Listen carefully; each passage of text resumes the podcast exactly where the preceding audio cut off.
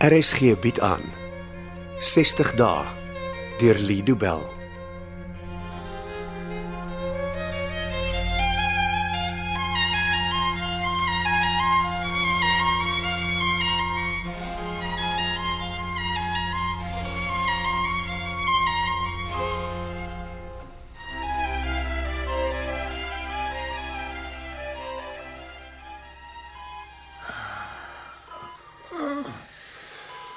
Goeiemôre meneer Silje.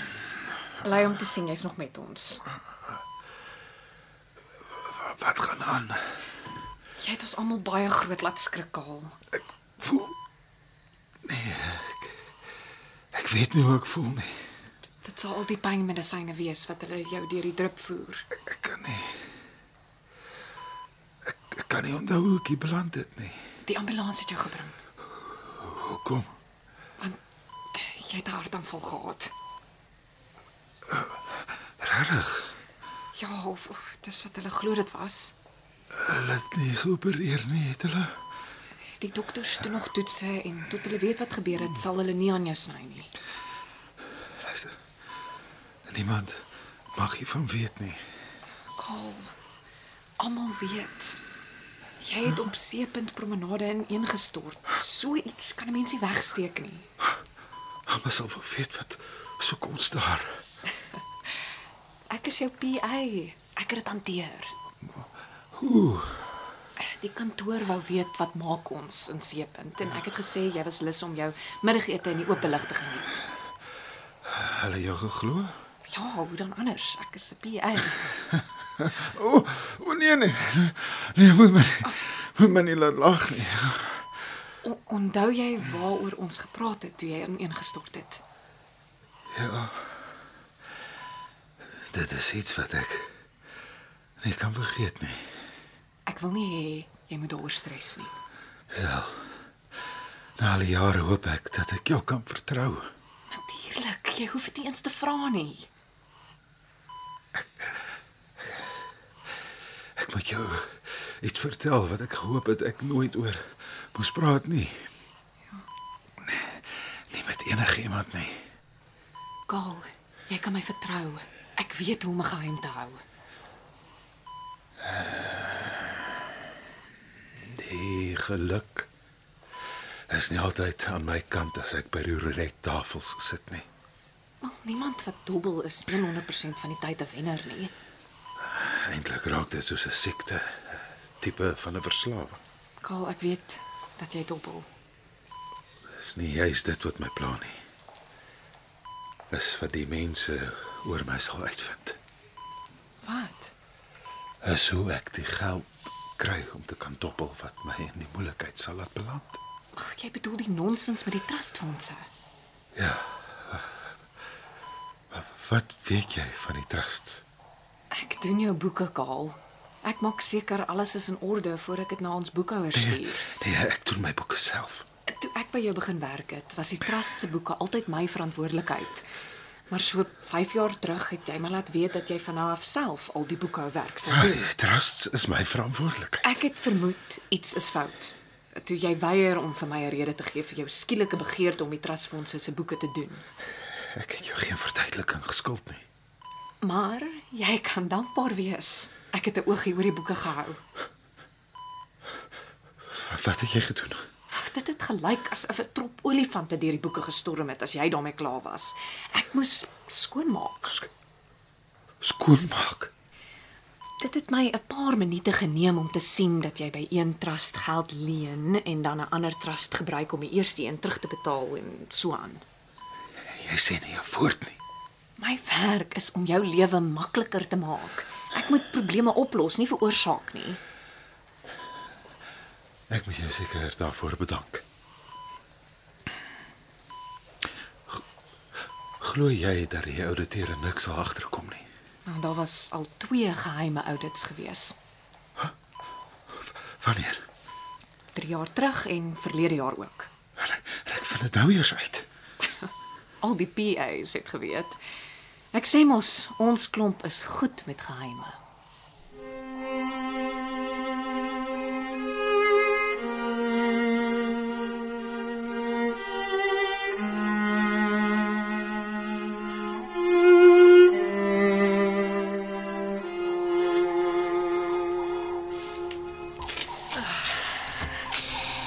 Dis die eerste keer dat ek in die buitelug is. Ek is altyd so bly as my pa my nou was sentrum toe stuur. Die tuin is so mooi hier Mens kan jou verbeel jy's iewers anders. op Joseph Plaas. Jy mis hom nie, Lauren. Ja. Daar sal nooit weer iemand soos hy vir my kan wees nie. Ek is so op 'n manier 'n bietjie jaloers op jou. Op my? Jy het geweet dat Joe vir jou lief was. Oh ja, definitely. Hoe kon jy dit weet? Wel, hy het alles vir my gedoen. Joe het vir my baie mooi opgepas. En dit was vir jou genoeg. Ja, ek bedoel as ek siek was, het hy hy het altyd vir my iets gekry. Jy weet, iets wat ek nodig het. En as jy praat van iets, bedoel jy dwelms iets. Ja. Joe is die een wat gewet het wanneer ek nie meer kan nie en dan het hy gedoen wat gedoen moes word om vir my biete te laat voel. Met dwelms.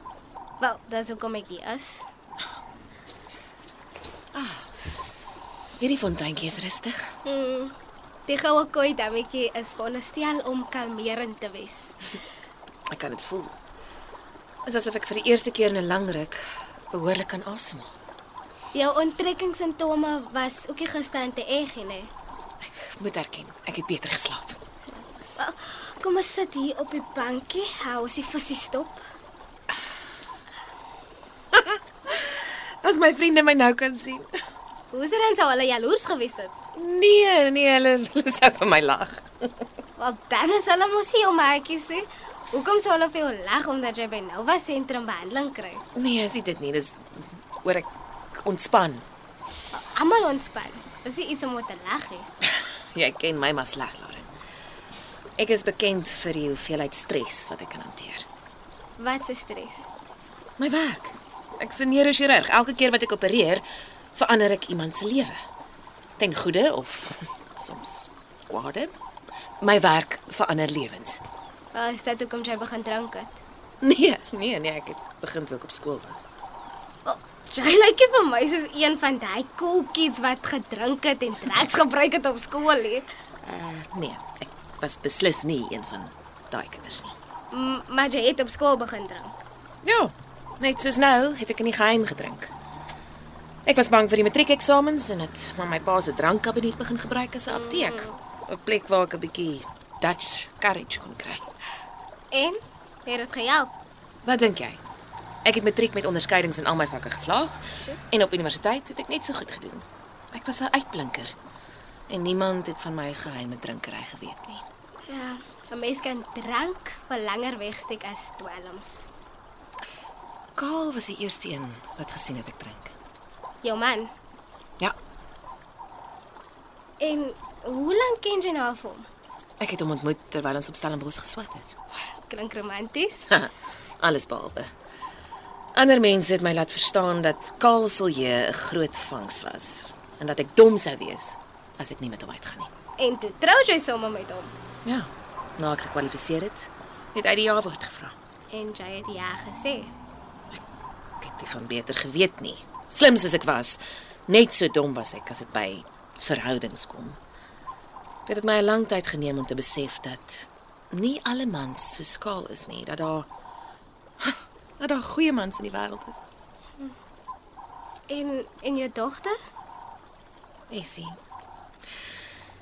As daar wat ek glo dis net om haar onthaalwe wat ek aanhou asemhaal. Daar's niks wat ek nie vir my kind sal doen nie, Lauren. Klink vir my sy is die appel van haar mamma se oog. Dit is sy beslis. Wil jy haar nie sien nie? Oh, ek wil haar nie net sien nie, ek wil my arms om haar vou en haar styf vashou. OK. OK. En nou? Vir wat kyk jy so rond? Lauren, jy lyk baie verdaag. Wag net eers, OK. Dit lyk vir my is OK. Wat is oukei? Ons kan ook praat. Niemand sal vir ons kan hoor nie.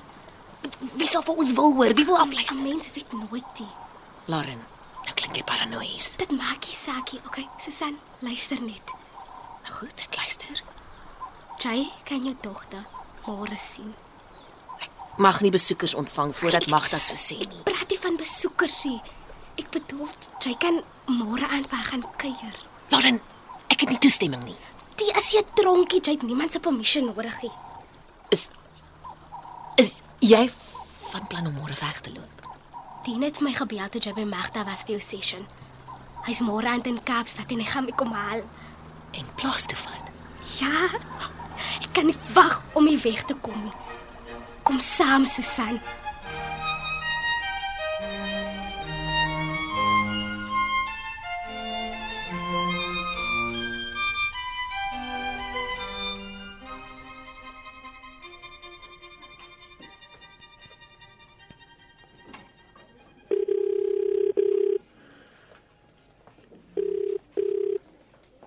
Dokter Loos, goeiemiddag.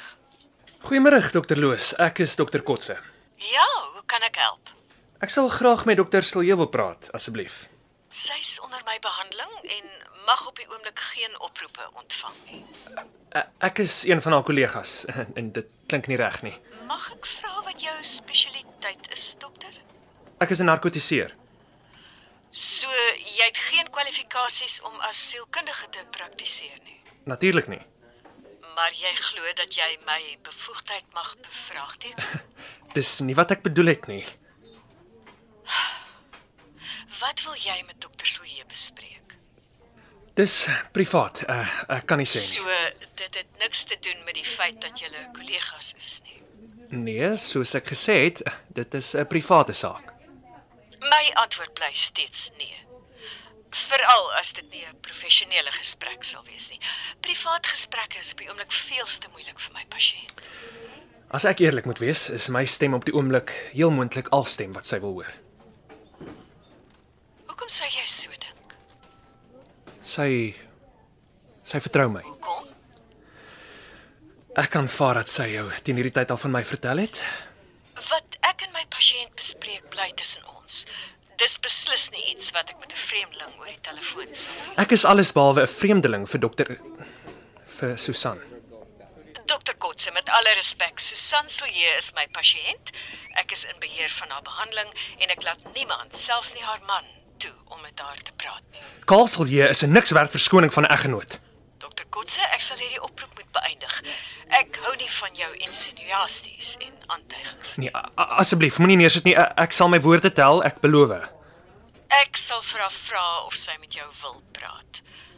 Maar ek twyfel of sy sal instem. Vra haar. Sy sy sal met my wil praat. Ek maak so. Uh Mag ek vir jou iets vra? Natuurlik. Wanneer was die laaste keer wat jy vir Susan gesien het? E- Ek weet nie, um, seker die dag voor haar ongeluk. Ek, ek dink so e, ek, ek kan nie eintlik onthou nie. Jy het haar nie die nag van die ongeluk gesien nie, het jy? Nee, beslis nie. Is jy seker? Ja, ho- ho- hoekom sê jy my so iets vra? Uh, dis net iets wat Susan gesê het in een van ons sessies. Wat het sy gesê? Jy weet ek mag nie daaroor praat nie. Sê vir my. Ek gaan die oproep eindig. Totsiens. Hoe Nou durf sy? Hoe durf sy? Nee, nee, nee, nee. Hulle kan nie weet nie. Niemand kan weet nie. Susan, wat gaan ons doen? Susan, as hulle my net met jou sal laat praat. Ek is jammer, Susan. Ek ek kan alles verduidelik. Susan. Susan. Dit was 60 dae deur Lido Bell. Cassie Lauers beheer die tegniese versorging en dit word in Kaapstad opgevoer onder regie van Anri Gerbst.